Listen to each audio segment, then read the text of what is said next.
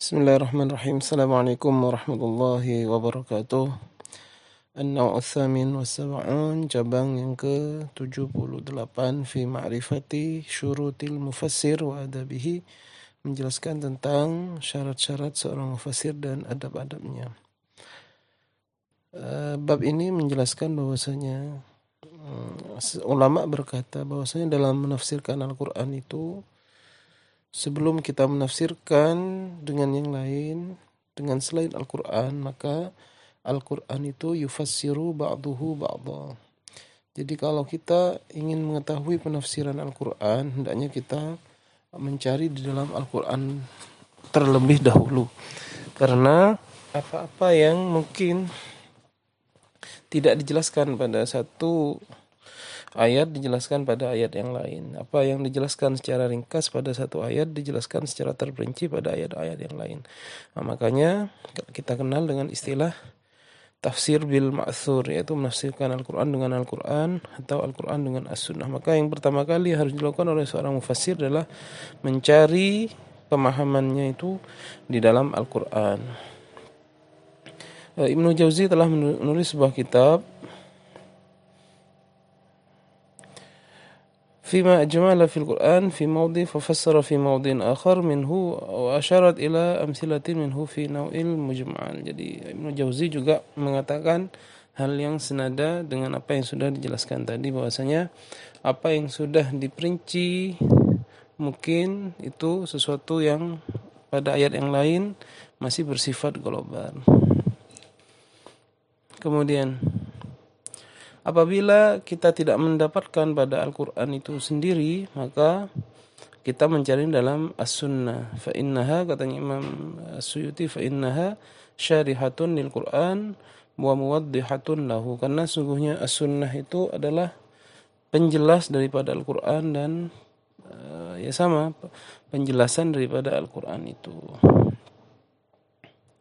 Ah, bahkan Al-Imam Asy-Syafi'i uh, radhiyallahu anhu berkata kullu ma hakama bihi Rasulullah fahuwa mimma fahimahu minal Qur'an.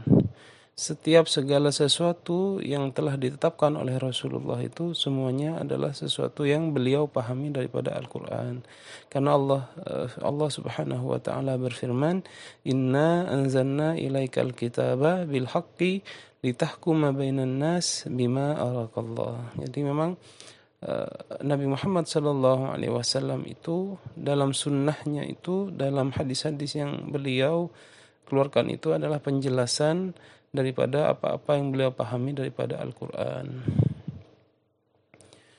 Nah, beliau juga bersabda, "Ala inni utitu Al-Qur'an wa mithlahu ma'ahu." Sungguhnya aku diberikan Al-Qur'an dan seumpama Al-Qur'an bersama Al-Quran apa yaitu As-Sunnah An-Nabawiyah. Jadi kalau menjelaskan tentang apa yang telah dijelaskan oleh Imam Asyuti ini kita mendapatkan suatu metode tafsir yang kita kenal dengan tafsir bil ma'thur yaitu menafsirkan Al-Qur'an dengan Al-Qur'an dan menafsirkan Al-Quran dengan As-Sunnah. Itu yang dijelaskan pertama kali oleh Al-Imam As-Suyuti sebelum menjelaskan adab-adab seorang mufassir. Ini termasuk adab ya. Jadi adabnya jangan langsung menafsirkan dengan yang lainnya. Tafsirkan dengan Al-Quran dan dengan dengan sunnah dulu. Ah, baru kemudian kalau tidak ada dalam as-sunnah maka kita kembali kepada akwal as-sahabah, pendapat-pendapat para sahabat karena para sahabat itu adalah orang yang menyaksikan turunnya wahyu dan paling mengetahui tentang keadaan ketika Al-Qur'an itu turun. Makanya eh, sahabat Ibnu Abbas itu sangat terkenal sekali karena beliau adalah dari kalangan ulamanya para sahabatnya.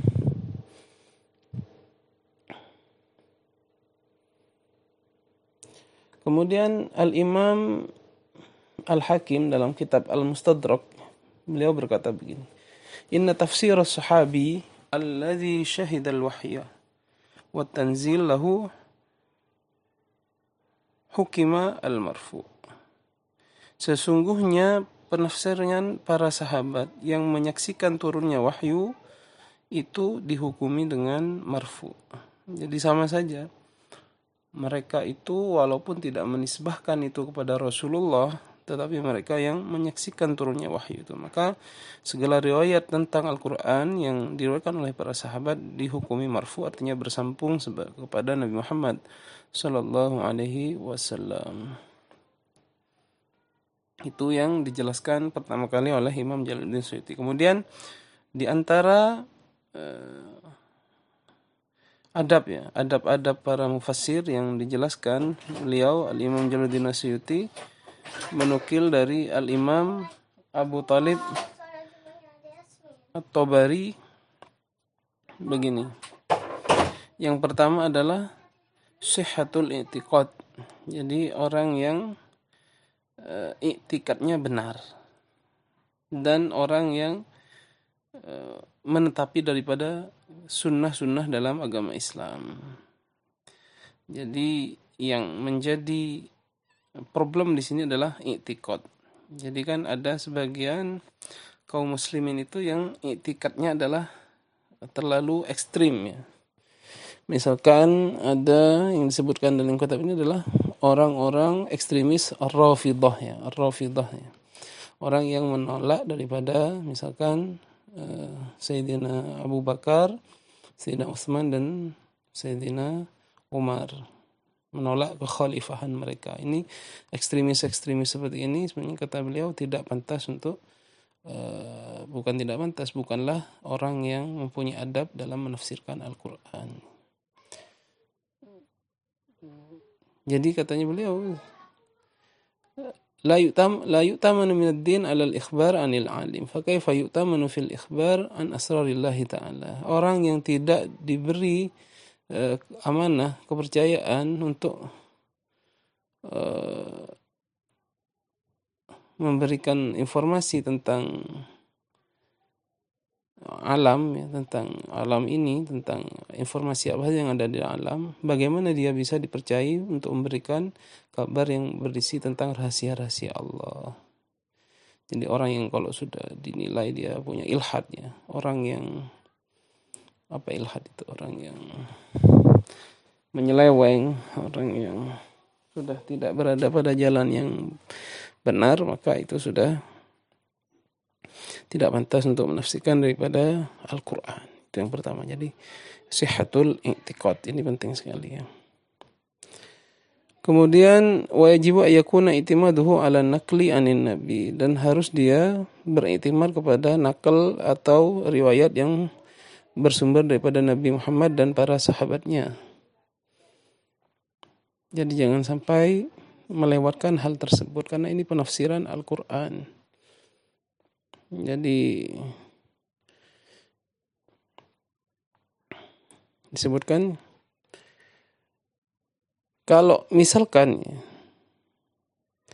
ada sesuatu yang tidak dipahami atau ada sesuatu yang baru yang timbul atau terdapat ta'arud pertentangan di antara kaul-kaul para sahabat itu kalau masih mungkin maka dipastikan kita harus mengumpulkan atau al-jam'u ya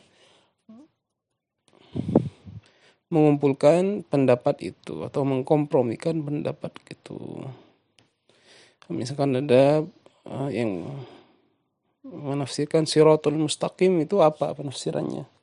Ihdinas siratul mustaqim itu silakan walaupun ada banyak riwayat biasanya riwayat di kalangan sahabat itu disebutkan juga oleh Imam Jalisin dan para tabi'in itu sangat sedikit sekali dalam ikhtilaf dalam Al-Qur'an ini karena biasanya ikhtilaf yang terjadi di kalangan mereka itu adalah ikhtilaf tanawu. Ikhtilaf yang bukan pertentangan tetapi hanya ikhtilaf yang bermacam-macam pemahaman. Jadi kadang-kadang satu ayat mempunyai pemahaman atau makna yang bermacam-macam. Kalau tadad, ikhtilaf tadad adalah ikhtilaf yang bertentangan. Tidak. Pada zaman sahabat, ikhtilaf sangat sedikit sekali. Lebih sedikit pada ikhtilaf yang terjadi pada zaman tabi'in. Hmm, jadi ini adalah di antara syarat-syarat mufassir yang diterangkan oleh Al-Imam Jalaluddin Asyuyuti. Kemudian banyak daripada syarat-syarat mufassir yang dijelaskan lagi ya. Terutama ilmu-ilmu yang harus mereka ketahui. Misalkan harus paham tentang i'rab, harus mengetahui ilmu balaghah, harus mengetahui ilmu uh, istiqaq ya pengambilan makna, harus mengetahui bermacam-macam ilmu termasuk ilmu mauhibah, ilmu bakat. Harus punya bakat. Ilmu nahu, ilmu tasrif. Al-Imam Syafi'i itu yang orang Arab asli saja itu untuk mendalami bahasa Arab beliau pernah belajar selama empat tahun di sebuah suku ya apa suku Hudzail kalau nggak salah itu sampai seperti itu ya. Jadi memang uh, uh, untuk menjadi mufassir ini syaratnya cukup berat ya. Makanya sangat sedikit di Indonesia yang terkenal dengan uh, seorang yang mufassir ya. Kalau sekarang itu di Indonesia yang lagi terkenal kalau di kalangan NU misalkan ada uh, yang terkenal ilmu tafsirnya bagus adalah Gus Baha misalkan atau kalau yang lebih senior kita kenal dengan uh, Bapak Quraisy, Pak Quraisy Shihab itu yang punya kitab tafsir Al-Misbah. Atau kalau di kalangan uh, Muhammadiyah ada tafsir Al-Azhar karang, karangan Buya Hamka itu. Nah, sangat sedikit sekali ya. Nah, makanya ini perlu kita untuk lebih ya serius mengkaji Al-Qur'an ini sehingga menghasilkan para minimal ya para pecinta-pecinta Al-Qur'an. Karena memang kalau para sahabat itu serius sekali dalam belajar Al-Qur'an. Sebutkan itu di halaman 574 itu bahwasanya para sahabat itu apabila belajar Al-Qur'an dari Nabi 10 ayat saja. Tidak melebihi dari 10 ayat saja. Kenapa? Hatta ya'lamu ma fiha minal ilmi wal amal. Sehingga mereka mengetahui apa yang terkandung dalam ayat itu dan diamalkan jadi setelah mengetahui langsung diamalkan. Itu para sahabat Nabi. Jadi bahkan ada orang yang disebutkan di sini Ibnu Umar ya anaknya sahabat Umar itu menghafalkan surah Al-Baqarah saja itu 8 tahun. Kok sampai jauh sekali kok sampai lama sekali? Karena beliau menjelaskan bahwasanya di Al-Qur'an ada ayat kitabun anzalnahu ilaika mubarakun liyatadabbaru ayatihi. Kitab yang diturunkan kepadamu yang penuh dengan berkah agar engkau mentadabburi ayat-ayatnya. Bagaimana kita mentadabburi ayat-ayat alnya kalau kita tidak paham maknanya. Makanya beliau membaca Al-Qur'annya itu eh, sahabat Ibnu Umar bahkan menghafal surah Al-Baqarah saja sampai 8 tahun. Nah ini mereka ya. Jadi memang sangat dekat dengan Al-Quran kehidupannya. Jadi bahkan ada yang bilang seorang ulama ditanya bagaimana kedekatan ulama salaf dengan Al-Quran disebutkan sebagaimana kedekatan kita dengan HP kita sekarang ini. Gimana kita dengan HP sekarang? Bingung gitu ya. Bangun tidur langsung megang HP mau keluar kalau nggak pegang HP resah gelisah gitu ya mau ke mana-mana bawa HP habis makan megang HP lagi. HP HP terus. Nah ulama salaf kira-kira demikian dengan Al-Quran. Nah ini kalau kita bisa ganti ya. Bangun tidur langsung ingat Al-Quran. Habis makan Al-Quran lagi. Al-Quran lagi. Insya Allah ini menjadi para ahli Al-Quran Insya Allah ya. Mudah-mudahan kita diberi barakah Al-Quran. Segera demikian. Assalamualaikum warahmatullahi wabarakatuh